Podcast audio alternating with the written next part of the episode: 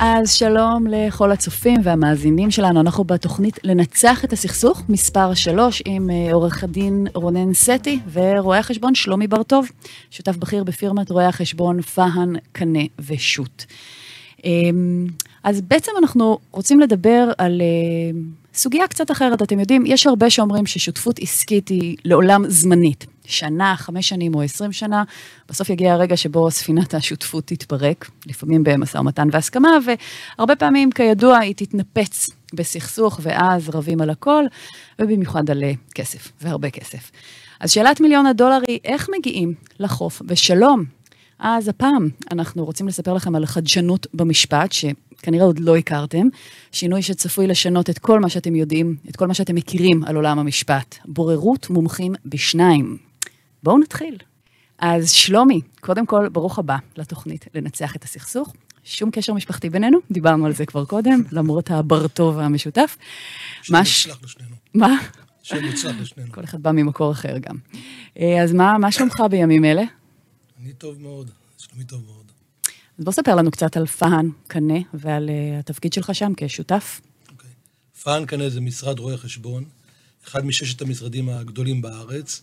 אנחנו מייצגים את הפירמה העולמית גרנד טורנטון, שהם אחת משש הפירמות הגדולות בעולם, שפועלת בלמעלה מ-150 מדינות, כ-500 סניפים, למעשה פועלת בכל העולם הכלכלי, גם המערבי, אירופה, ארה"ב, וכמובן שאר העולם.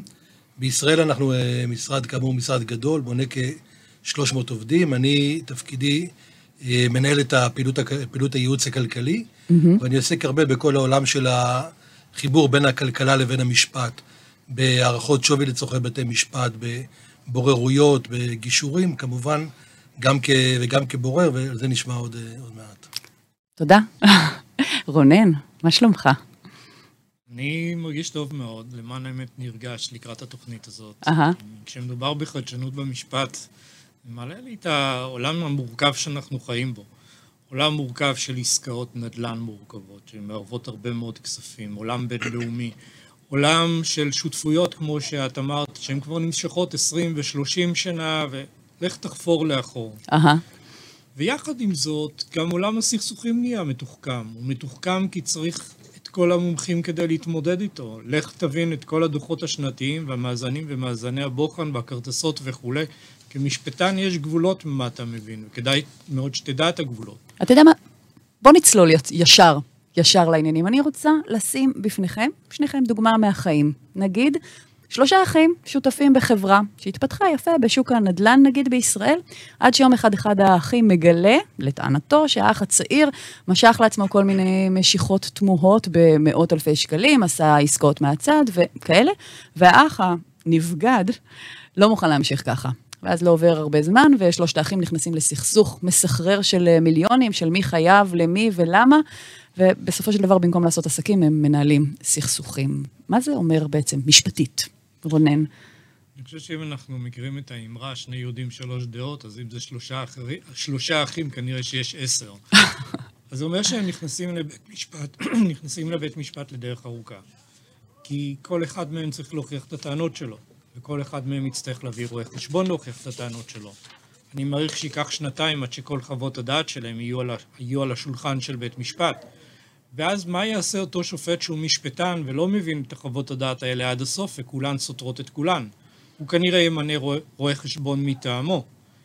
וכל דרך שאתה לוקח את הסכסוך הזה, אם אתה רוצה להגיע לפסק דין של בית משפט, בכל תרחיש שאימתתי עם עורכי דין, אנחנו מגיעים לחמש-שש שנים, שלא לדבר מה היו התוצאות במשפחה. כך שהתרחיש של הסיפור הזה הוא תרחיש מאוד מורכב. ישראל מלאה בסכסוכים עסקיים מורכבים, למעשה פרויקטים רבים בתחום התשתיות והרכבת הקלה ותחנות הכוח וסכסוכים uh, של בעלי מניות ושותפויות עסקיות ועסקים משפחתיים. כל אלה ואחרים נמצאים בסכסוכים, והסכסוכים האלה הם לא רק משפטיים.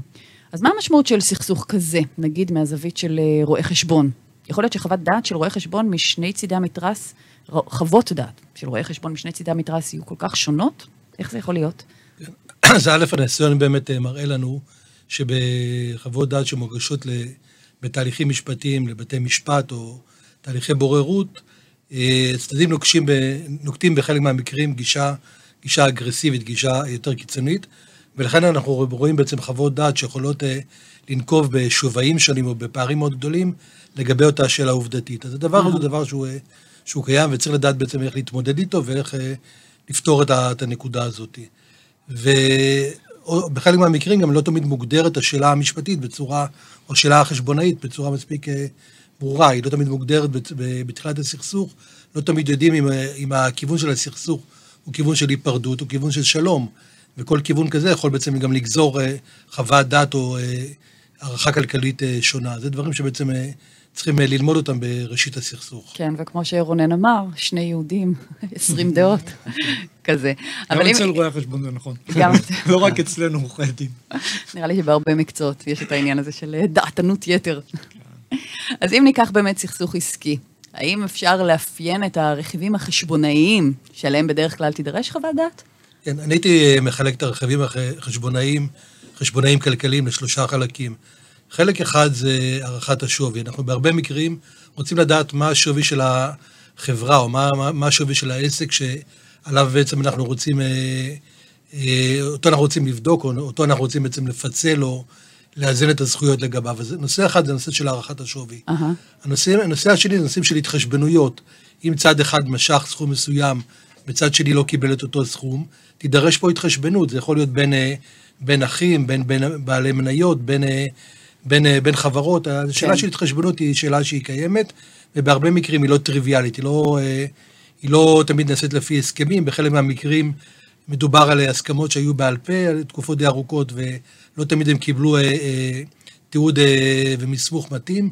גם בחלק מהמקרים צריך לזכור ששותפויות אה, נבנו על בסיס כאילו של יחסי אה, אמון וחבר, וחברות, ולכן לא כל דבר בהתנהלות השוטפת בעצם זכה לתיעוד אה, ומסמוך מתאים. והדבר השלישי זה נושא של בקרה חשבונאית אה, חקירתית. בחלק מהמקרים אנחנו אה, מקבלים נתונים, מקבלים דוחות כספיים, מקבלים מאזני בוחן, מקבלים כרטסות, אבל לא תמיד מה שרשום זה מה שמייצג את, ה, את האמת, מייצג את התמונה, התמונה בפועל, ולכן זה הנדבך השלישי, אז אה, שאנחנו בעצם צריכים לבדוק אותו בתהליכים של סכסוך עסקי בין בעלי המניות או בין, בין צדדים ושותפויות. אני חושב שמה ששלומי אומר פה מאוד מאוד רלוונטי לשדה המשפטי. כלומר, אם אני צריך, או שופט צריך, לשפוט בסכסוך הזה בין האחים, שווי החברה הוא דבר קריטי. כן. הנושא של ההתחשבנות, מי משך וכמה ועל איזה נסיבות, הוא מאוד משמעותי. כן. כאשר זה נעשה בבית משפט, הרבה פעמים, או כל הזמן, יש בידוד מוחלט בין הרואה חשבון שבודק את זה לבין בית המשפט. אבל אם אנחנו חושבים לרגע, הסכסוך והשאלות מי הפר את ההסכם ולמה אתה הפר את ההסכם ומה עם הנסיבות, קריטיות גם כדי ש... רואה חשבון כמו ברטוב יוכל לעשות את חוות הדעת שלו בצורה מקיפה ולא נקודתית, mm-hmm. וגם כדי שבית המשפט יוכל להכריע. אבל בפועל הם לא מדברים ביניהם, ויש לנו פה איזשהו קושי אינהרנטי אם אנחנו רגע בוחנים איך אנחנו רוצים לפתור את הסכסוך. כמו האם ילכו יחדיו שניים בלתי אם נועדו, אבל כן. הם, במקרה שלנו הם הולכים לבד. כן, ובעצם אתה פותר את הטלפון השבור שנוצר כשכל אחד בעצם מנהל את השיח שלו אה, בפורום אחר. נכון, והחיבור הזה מאוד מאוד מורכב. הוא גם, כמו שאמרתי, לוקח הרבה מאוד זמן. ותגיד, יכול להיות שיהיו לתוצאות, יהיו, יכול להיות שיהיו לתוצאות של חוות דעת השלכות רוחב? למשל כאלה שיביאו שופט להעביר את התיק לרשויות? את יודעת, לאורך השנים אתה כמשפטן, ואני מניח שגם כרואה חשבון, אתה נפגש בהרבה דברים.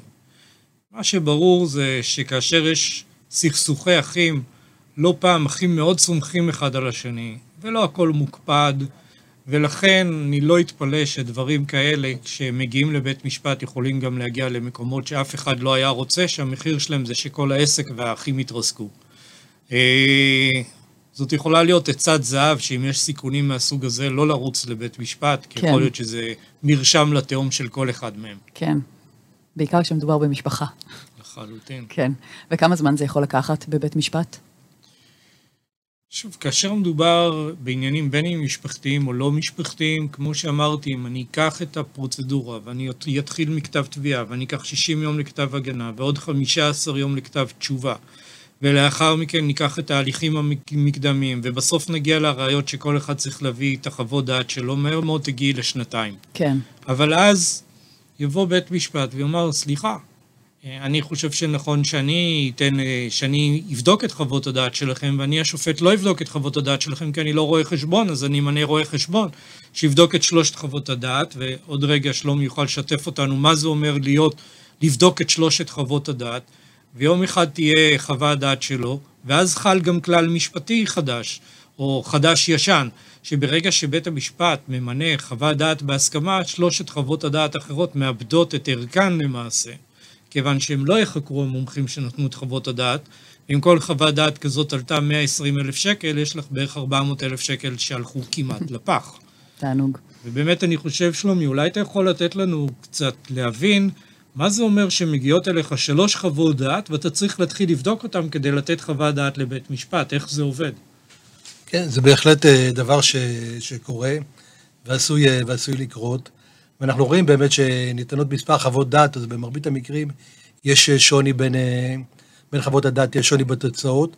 זה נובע גם משילוב של פרשנויות משפטיות שלפעמים ניתנות בחוות הדעת, ואז אה, מכיני חוות הדעת כן. המומחים, לפעמים לוקחים לעצמם חופש מסוים ומפרשים את הסכסוך המשפטי אה, בצורה שנוחה להם, ואז בעצם זה סוג אחד של פערים שנוצרים. ובית המשפט, ו... אני מניחה, אוהב לראות את זה, שהמומחה נכנס לחוות דעת משפטיות. כן, אז בית משפט אה, דואג לשמור על המעמד המשפטי שלו, שהוא בעצם כן. זה שמפרש את, ה, את הסוגיות המשפטיות, אבל יש, יש מומחים שנוטים ובעצם אה, לערב בין הסוגיות המשפטיות לבין הסוגיות החשבונאיות, ואני חושב שאנחנו חיים היום בעולם של מומחיות, ו... מומחה, אה, אם הוא מומחה חשבונאי או כלכלי מצד אחד, או מומחה משפטי, אז זה, זה התחום שהוא מבין בו בצורה יותר טובה, ועדיף, ועדיף לו להתמקד, להתמקד ולפתור את הנקודה הספציפית שאותה הוא בעצם הוא אה, אמור, אמור כן. לפתור, ולא לגלוש לאזורים אחרים. ודווקא פה השיתוף פעולה הזה הוא יכול לעזור. כן. עכשיו, בישראל 80 אחוז מהעסקים הם עסקים משפחתיים. זה משהו נכון. שיחסית ייחודי לישראל, לא רק, אבל... ככה זו תופעה מוכרת. מה המשמעות כשנכנס הרובד המשפחתי לסכסוכים כאלה, ואיפה הם אה, יתנהלו באמת, אם, אה, אם למשל מדובר בסכסוך אחים, כמו שדיברנו קודם? Okay, אוקיי, שאלה מצוינת. אני, אני, אני אומר לך, אני חושב שאני יכול לענות לשאלה הזאת בסיפור. יאללה. אני קורא לסיפור הזה הצדיק מאשקלון. אוקיי, okay, כבר מעניין. הצדיק מאשקלון הגיע שעת ערב, המלאך גבריאל הגיע אליו, ואמר לו, תראה, אה, אני קיבלתי משימה. לתת לך את כל מה שאתה רוצה. כל מה שאתה חולם עליו אתה הולך לקבל. והצדיק מאשקלון היה מאושר, וברגע שאותו אה, מלאך עמד לצאת מהדלת, אמר לו, רק שנייה, יש לי עוד משהו אחד שכחתי להגיד לך. השכן שלך הולך לקבל אותו דבר מה שאתה תאמר, רק כפול שתיים. אז תחשוב, יש לך שבוע לחשוב. כמובן שהצדיק שלנו שבוע שלם לא, לא ישן, ו... כל הזמן היה עסוק מה הוא רוצה, ומה הוא רוצה, ומה הוא רוצה, וגם בשכן שלו. אני כבר מבינה לאן זה הולך. ובסופו של דבר, מה אמר אותו צדיק לגבריאל שבוע אחר כך? תוציא לי עין אחת. אז אני חושב שמה שיקרה כשמדובר בסכסוך אחים, לעתים, ואני ראיתי את זה גם בהליכי בוררות וגישור ומשפטים שניהלתי, שמוכנים לוותר על הכל ובלבד שהאח יסבול. כן. לצייר, אבל זה המצב, אלא אם כן אתה מתחיל להכניס לפרופורציות את הסכסוך. ומתחיל להגיע לדרכים שבאמת יכולות לפתור את הסכסוך, הייתי אומר, לנצח את הסכסוך, לא לנצח אחד את השני, לנצח את הסכסוך, כי המשפחה הזאת עלולה להידרדר לחלוטין. כן, לייצר איזשהו ווין ווין שבו לא... ווין לא... ווין, אולי אפילו פתרון בר קיימא, תוך זמן סביר, שידעו שהם טופלו מכל הכיוונים, ושיעצור את מחול השדים האלה. אז זה. קיום מחול שדים. אני רוצה להוסיף גם לגבי הנושא של הסכסוכים המשפחתיים. ואנחנו רואים הרבה חברות שהתחילו על ידי חזון של סב המשפחה שבא והקים עסק יפה והבנים הגדילו אותו, ואחר כך אה, הנכדים, בגלל כל מיני סכסוכים ואינטריגות אה, משפחתיות, אה, לא הצליחו בעצם לקיים אותו, ולכן אני חושב שהמקרים האלה, אנחנו רואים היום יותר ויותר מקרים כאלה שבעצם הם דורשים את הפתרון. עכשיו, בחלק מהמקרים גם סכסוכים מתנהלים בבתי דין לענייני משפחה, זה יכול להיות גם uh-huh. סכסוך בין בני זוג או...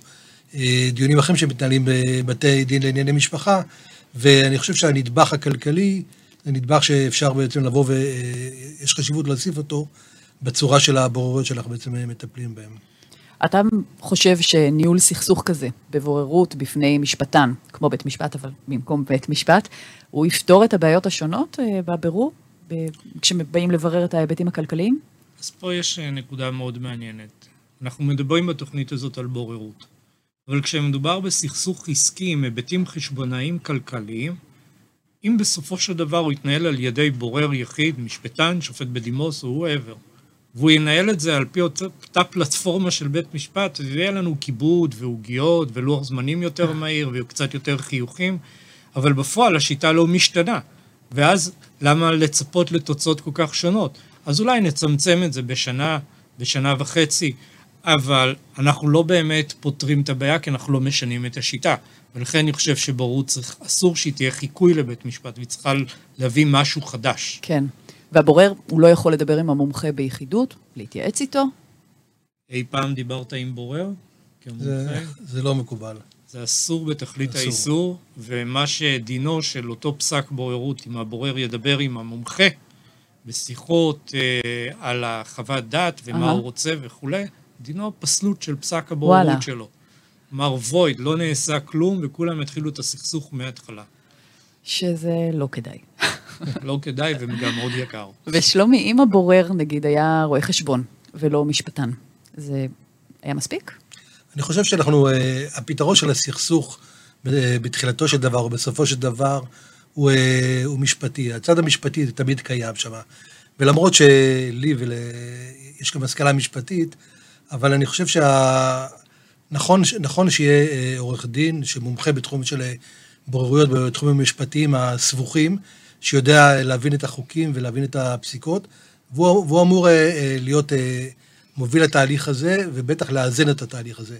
אני חושב שמקרים הם בוררים אה, אה, בפני עצמם, הם אה, פחות טובים, אלא אם יש שאלה שהיא מאוד מאוד מוגדרת. אם בית משפט ממנה רואה חשבון כבורר לגבי שאלה נקודתית, לגבי שאלת שווי, זה בסדר. או שאלה של התחשבנות, זה בסדר. אבל אם רוצים להסתכל על סכסוך יותר גדול ולנסות לפתור אותו, אז אני חושב שהפתרון הזה הוא פתרון שמביא איזון, ומייצר מצב שאחד ועוד אחד הם יותר בעצם משתיים, הם נותנים פה ערך, ל, ערך ללקוח. היכולת בעצם לדבר ולשוחח בין שני בוררים ולהסתכל על אותה נקודה. ואני רואה את זה בעבודה המשותפת עם עורך דין סטי, שאנחנו עובדים ביחד ואנחנו רואים את הסוגיה, ורונן מעלה את הצד המשפטי, אני מעלה את הצד החשבונאי, אנחנו חושבים ביחד, משכנעים ומנמקים, ומגיעים, אני חושב, לפתרון המתאים במקרים הספציפיים. נשמע כמעט אידיליה. את יודעת, אה, כן, אנחנו נחשב כזוג. אתם זוג צעיר. אנחנו נשואים, הכל בסדר. אבל אני חושב שכשאני למדתי משפטים, וגם למדתי שם מספר קורס, קורסי כלכלה, הקורס או החוק שהכי הרתיע אותי היה חוק תיאום אינפלציוני. כמה שאני יודע, החוק הזה ירד.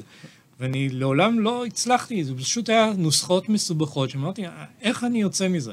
אז הנה, מצאת זוגיות שמשלימה אותך. כן, ובאותה מידה אני חושב שאנחנו משפטנים, אנחנו באים מול רואה חשבון, בורר, אומרים לו, תקשיב, יש לך בעיה עם הסמכות שלך, הוא לא מבין מאיפה אנחנו נוחתים עליו. ובאמת יש פה צורך משלים, אי אפשר להתעלם מזה. אז על מה אנחנו מדברים בעצם? אנחנו בעצם מדברים על הליך חדש ששמו בוררות מומחים בשניים. בוררות היא הליך אה, שיפוטי פרטי שנועד לפתור סכסוכים לפי חוק הבוררות, כאשר בפועל פסק הבוררות מקבל תוקף של פסק דין. תרצי, זה הדבר הכי דומה למערכת פרטית של המשפט. נעשה זה מה שקורה.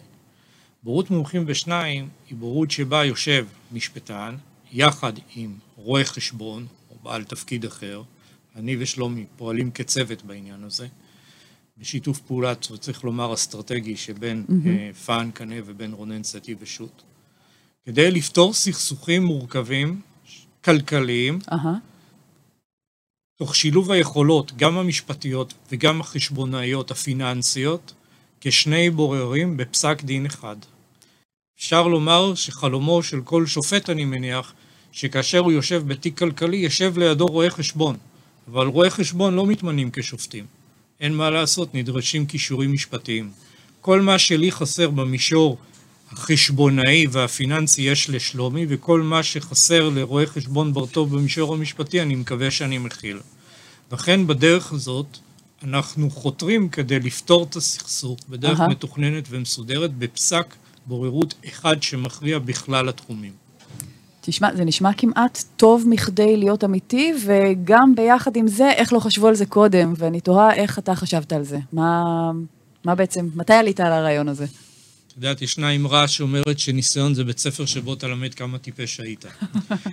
יש בזה משהו. אם אני אקח את האמרה הזאת, האמת היא שלפני שנתיים וחצי בערך העברתי השתלמות לבעלי מקצוע, אה, לצורך העניין אני לא אסגיר אותם, אז אה, או מהנדסים, או רואי חשבון, או שמאים, you name it, לא משנה.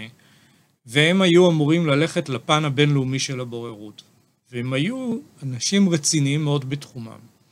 ונתתי להם משימה, אמרתי להם, תראו, אני לא פה כדי להתחיל ללמד אתכם from scratch הליכי בוררות, בואו נראה, בוא נראה אתכם. הבאתי גם עורכי דין מהמשרד שלי, והבאתי להם סימולציה של תיק של יזם קבלן, ואמרתי להם, אתם הבוררים, מיניתי שלושה, וישבו גם עורכי הדין, מיניתי עורכי דין לצדדים אהה. וכולי, והתחילו לעבוד. וראיתי שהחברים הטובים האלה, עם כל הרצון, עושים לעצמם עוול גדול. הם רוצים לשבת עם הצדדים ביחידות, הם אומרים את דעתם, הם מנהלים את הבורות בצורה כזאת שבעצימת עיניים וידיים קשורות אני מבטא להם את הפסק. והבנתי שאין סיכוי שהחבר'ה האלה יגיעו בשלום לשוקת אם הם רוצים לנהל את ההליכים האלה, לא משנה כמה שהם מבינים במקצוע שלהם. ועם זה הלכתי לישון והייתי די מודאג, כי אמרתי, אם זה המצב, מסכנים, הם לא, הם לא יוכלו לעשות כלום. ואיפשהו קמתי בבוקר, ואמרתי, רגע, במקום להיות אחד מול השני, בוא נהיה אחד עם השני. ואני זוכר שהתקשרתי ל- לרואה חשבון בר-טוב, אמרתי לו, אני רוצה להיפגש איתך. מה, יש לי רעיון, בוא נחשוב, זה היה לפני שנתיים וחצי ויותר. הוא אמר לי, רונן, אני בודק את זה, בדק את זה, ואיך אומרים, מאז התחלנו את יחסינו הטובים, ו- וזה עובד. כלומר, עשינו את זה, ואני יכול לפחות לומר לך, ליאת, שהמקום שבו הייתי יכול להבין את החלק החשבונאי, וששלומי היה יכול לראות גם טעויות, לצורך העניין, שאני עושה בהיסח אהה. הדעת, ויכול להשלים אותי, זאת מתנת אל מבחינתי. רגע, ומה קורה אם אתם לא מסכימים ביניכם? אם אנחנו לא מסכימים בינינו, אני רוצה לומר רגע משפט פתיחה. בורות בשניים נו- נועדה להתנהל על ידי מי שיודע לנהל עבודת צוות ומי שהוא בנוי לצוות. לכן זה, שיתוף פעולה הזה לא נעשה עם מי שרוצה. כן. אה, ותודה לאל, אני מכיר את שלומי מספיק זמן כדי להרגיש איתו בטוח, אבל כמובן שהשאלה הזאת מחייבת תשובה. ואנחנו קבענו בכללי הבוררות שבמקום שבו יש דעות שונות, אם מדובר בשאלה חשבונאית או בשאלה בתחום ההתמחות של שלומי, חוות הדעת שלו קובעת, היא מקבלת קול נוסף. ואם מדובר בשאלה אחרת, חוות הדעת שלי קובעת מקבלת קול נוסף. כי אין סיבה שאני פתאום, אין לי כוונה גם לדעת יותר משלומי, אין סיכוי, ואני מכבד את דעתו. ואני חושב שבדרך כלל, ויש לעיתים דעות שונות, אנחנו מגיעים להבנות בינינו. אז למעשה אתה אומר לי שבמקום לנהל קו טלפון שבור בין המומחה ובית המשפט, או בין המומחה והבורר, שהרי הם לא יכולים לתקשר ביניהם ישירות, אלא בנוכחות הצדדים, אז אתם מנהלים את זה במעין סיב אופטי כזה של אה, צוות לעניין, או אמר. משהו כזה? נשמע את החוויה שלו. אני חושב שזו הגדרה נכונה. אה, סכסוכים אה, משפטיים בהרבה מקרים מתפרסים על פני תקופה ארוכה. מתארים מחלוקות שלא, לא מחלוקות שקורו רק, בנק- רק בנקודת זמן אחת, אלא מחלוקות שבעצם אה, מבטאות אה, התנהלות בין שותפים, או בין, אה, יכול להיות בין קבלן לבין יזם, שבעצם מבטאים פעילות על פני תקופה ארוכה. ולכן, אה, שבאים לפתור את הסכסוך, צריך לנתח אותו ולפרק אותו לגורמים. ובכל שלב של הסכסוך, ואנחנו גם רואים את זה, ראינו את זה בעבודות שביצענו ביחד, בבוררויות שביצענו ביחד, שיש את הפן המשפטי ואת הפן החשבונאי, אה, והסכסוך מתקדם, והסכסוך יכול להעצים, יכול לתפוס אה, שינוי מסוים, ולכן היכולת לבוא ולנתח תקופה ארוכה, לנתח גם מסמכים חשבונאיים, שזה, אה, שזה לא רק דוחות כספיים, יש את הדוחות שמרכיבים את הדוחות הכספיים, זה יכול להיות דיווחים לרשויות המס, זה יכול להיות דיווחים לבנקים, זה יכול להיות כרטסות, חשבוניות, יש הרבה נתונים חשבונאיים שיכולים אה, לשפוך אור על השאלות המשפטיות שבהן אחר כך צריך אה, לדון, נניח לחשוב מי הצד שהפר את ההסכם, או מה, מה, מה התרופות שאחר כך אה, מגיעים לו. ולכן היכולת לקחת סכסוך, לפרק אותו לגורמים, לפתור אותו ולמצוא את הפתרון, זה אני חושב כאילו חלק מהיכולת ש, ש, ששני בוררים שבאים מאסכולות או מעולם, מעולם מקצועי שונה, יכולים לבוא ו... ולפתור ולתת פה פתרון שהוא מעניין ומועיל אה, לצדדים. ואם אתה צריך ככה להגדיר את ההבדל, לדעתך, אה, עבור הצדדים, בין מצב שבו אתה נותן חוות דעת כלכלית, ובין מצב שבו אתה יושב כבורר בשניים, יחד עם רונן. אני חושב שבורר אה, רואה תמונה הרבה יותר רחבה מאשר מומחה. מומחה מתעסק בדרך כלל בשאלה שהיא מאוד נקודתית בתחום המומחיות שלו. זה יכול להיות שאלה של התחשבנות, יכול להיות שאלה של ביקורת חקירתית, יכול להיות שאלה של שווי, אבל היא שאלה שנקודתית, זה גם יכול להיות בנושאים אחרים, גם בתחום הקבלני, בתחום הרפואי, מומחה בדרך כלל מנסה להתמקד בשאלה אה, או נקודה ספציפית. אה, התפקיד כבורר הוא תפקיד שהוא יותר אה, אחראי, הוא דורש גם להבין את עולם המושגים המשפטי, וגם להבין ולקרוא ולנתח הרבה חומר, ולראות את, ה, את, הסוג, את הבעיה מכמה, מכמה סוגיות. בזווית ראייה יותר רחבה, על מנת בעצם אה, לתת את הפתרון המתאים. אז אחרי כל התקופה הזאת שאתם עושים את זה, מה, מה למדתם מניסיונכם? באמת למדנו שעבודת הצוות פה היא דבר קריטי. למדנו שבעולם של סכסוכים אה, מתוחכמים, אה, צריך להיות יותר צנוע ולא לחשוב שאתה יודע הכל. אנחנו עורכי הדין, יש לנו נטייה לחשוב שאנחנו יודעים הרבה, בהרבה תחומים. כן. אתה מגלה הרבה יותר אה, צניעות. ואני חושב שאם עד כה הבוררות דיברה על השינוי של, אם אני אשווה את זה לעולם הרכב, בכמה אפשר לחסוך דלק, אז עכשיו אנחנו עוברים למנועים ההיברידיים ולמנועים החשמליים, כן. ששם נדרש יותר, זאת שיטה חדשה. ובסוף, כאשר אתה יושב בסכסוכים של שותפים, כשדיברנו, שכל החיים שלהם מושקעים שם, או בסכסוכי נדל"ן גדולים, שיש שם היבטים כספיים, אני חושב שלהם כדאי לא להסתפק במנגנון הרגיל, כי צריך פתרון, והפתרון גם צריך להיות בר קיימא, ופתרון בר קיימא אחרי חמש ושש שנים, מבחינתי הוא לא בר קיימא. התפקיד שלנו היום בעולם המשפט, לדעתי, זה לפתור סכסוכים, ולפתור סכסוכים באופן חכם, כמו שיש רכב חכם, בית חכם, או מה שזה לא יהיה. ופה זו דוגמה לשינוי. שינוי תפיסתי. ואיך לדעתכם יתפסו את זה במשרדי עורכי הדין? אנחנו רואים אה, פתיחות אה, בקרב משרדי עורכי הדין לפתרון הזה. אנחנו לא באים ואומרים שהתהליכים המשפטיים אה, יפסיקו, כמובן שלא, בתי משפט ימשיכו, ויש מספיק סכסוכים, מספיק תיקים שיגיעו לבתי משפט או לתהליכי בוררות. אבל אני חושב שיש לא מעט תיקים, ואני חושב שמדובר על עשרות, ואולי אפילו יותר מזה, בשנה, שהפתרון הזה הוא פתרון שהוא מתאים להם. שהסכסוך הוא משלב כאילו גם אה, נושאים אה, משפטיים וחשבונאיים, כמו שהצגנו קודם, ואנחנו בהחלט רואים אה, גם עניין וגם פתיחות בקרב משרדי רואי חשבון, סליחה, בקרב משרדי עורכי הדין וגם כן. בקרב הלקוחות ללכת לפתרון כזה. אני חושב שהפתרון נותן גם איזון, הוא נותן איזון שבעצם שתי, שני סוגי, הייתי אומר, מוחות, או שני סוגי צורות חשיבה בעצם באים ומנסים אה, לפתור אותו, גם הפן המשפטי וגם הפן החשבונאי-פיננסי, אה, על מנת להגיע לפתרון אה, אחד.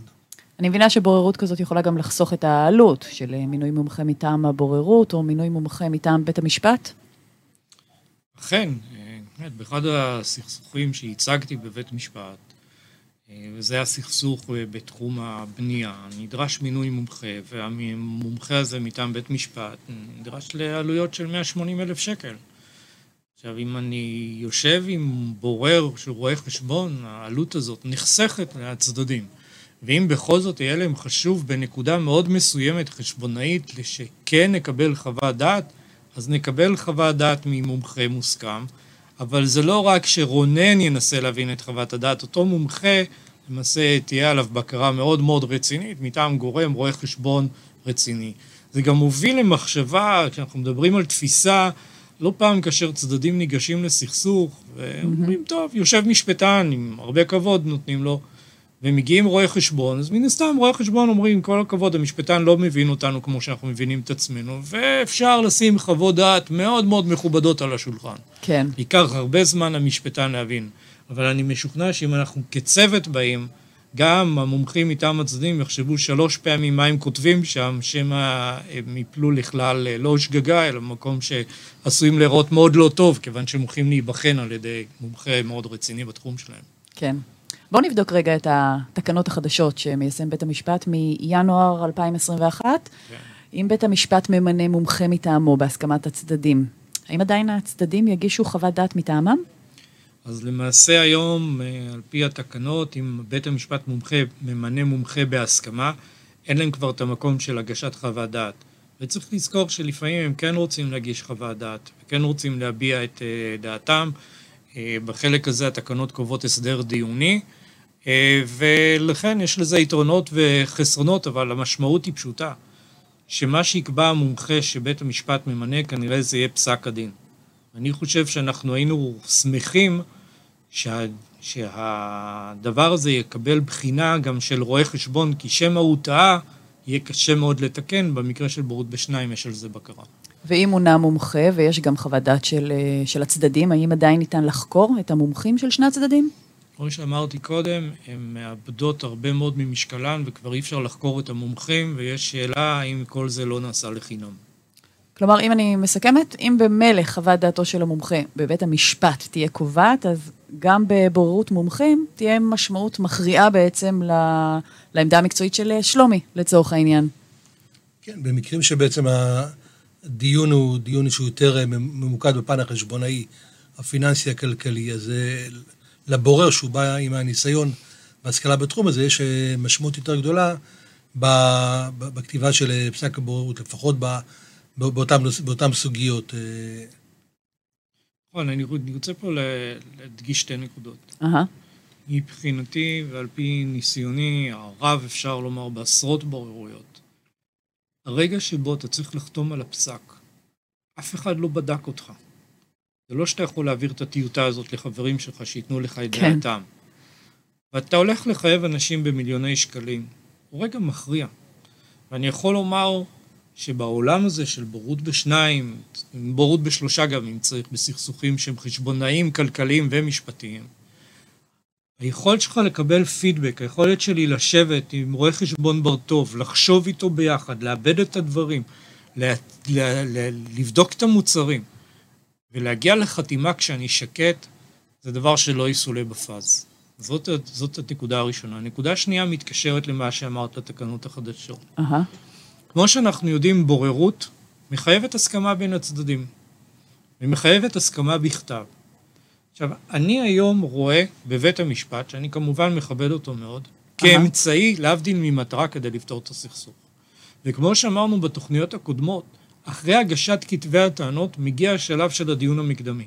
בדיון המקדמי אתה צריך להודיע לבית המשפט אם אתה מסכים לגישור או לבוררות. כן. עכשיו בואי ניקח תיק של סכסוך כלכלי בין השותפים שלושת האחים, או סכסוך נדל"ני או סכסוך אחר שיש בו היבטים כספיים חשבונאיים.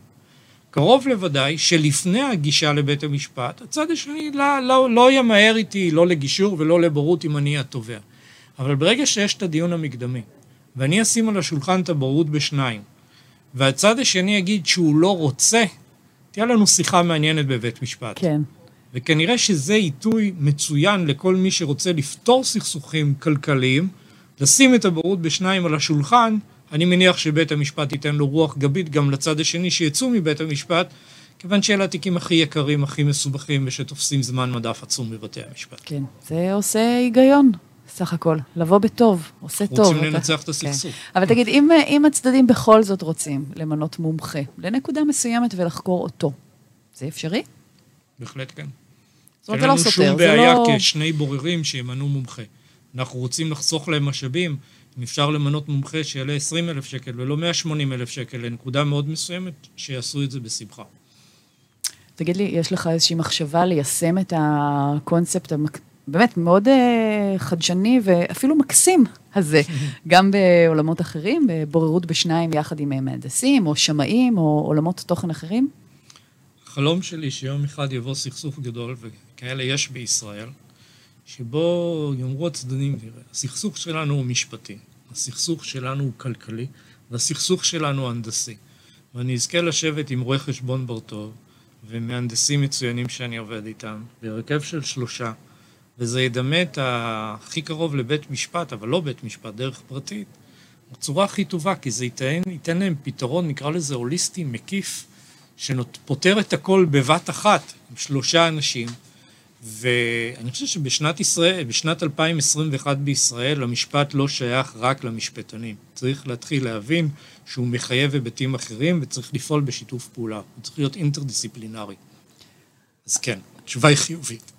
אז אני ברשותכם אסכם, אני מקווה שהבנתי את הדברים הנכון. אה, אנחנו תכלס אה, במציאות שבישראל של 2021 יש הרבה סכסוכים כלכליים, שותפים עסקיים, חלוקת רכוש בין בני זוג, שאחד מהם או שניהם בעלי עסקים, נדל"ן, תמ"א 38, יחסי יזם קבלן ועוד, ובסוף צריך גם לנצח את הסכסוך ולפתור אותו, ונראה שכמו באמרה הידועה, טובים השניים מן האחד.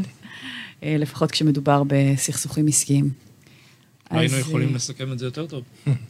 אה, אני מקווה שהצלחתי לסכם ככה עבורכם ועבור מאזיננו את הדברים. טוב, עלו והצליחו.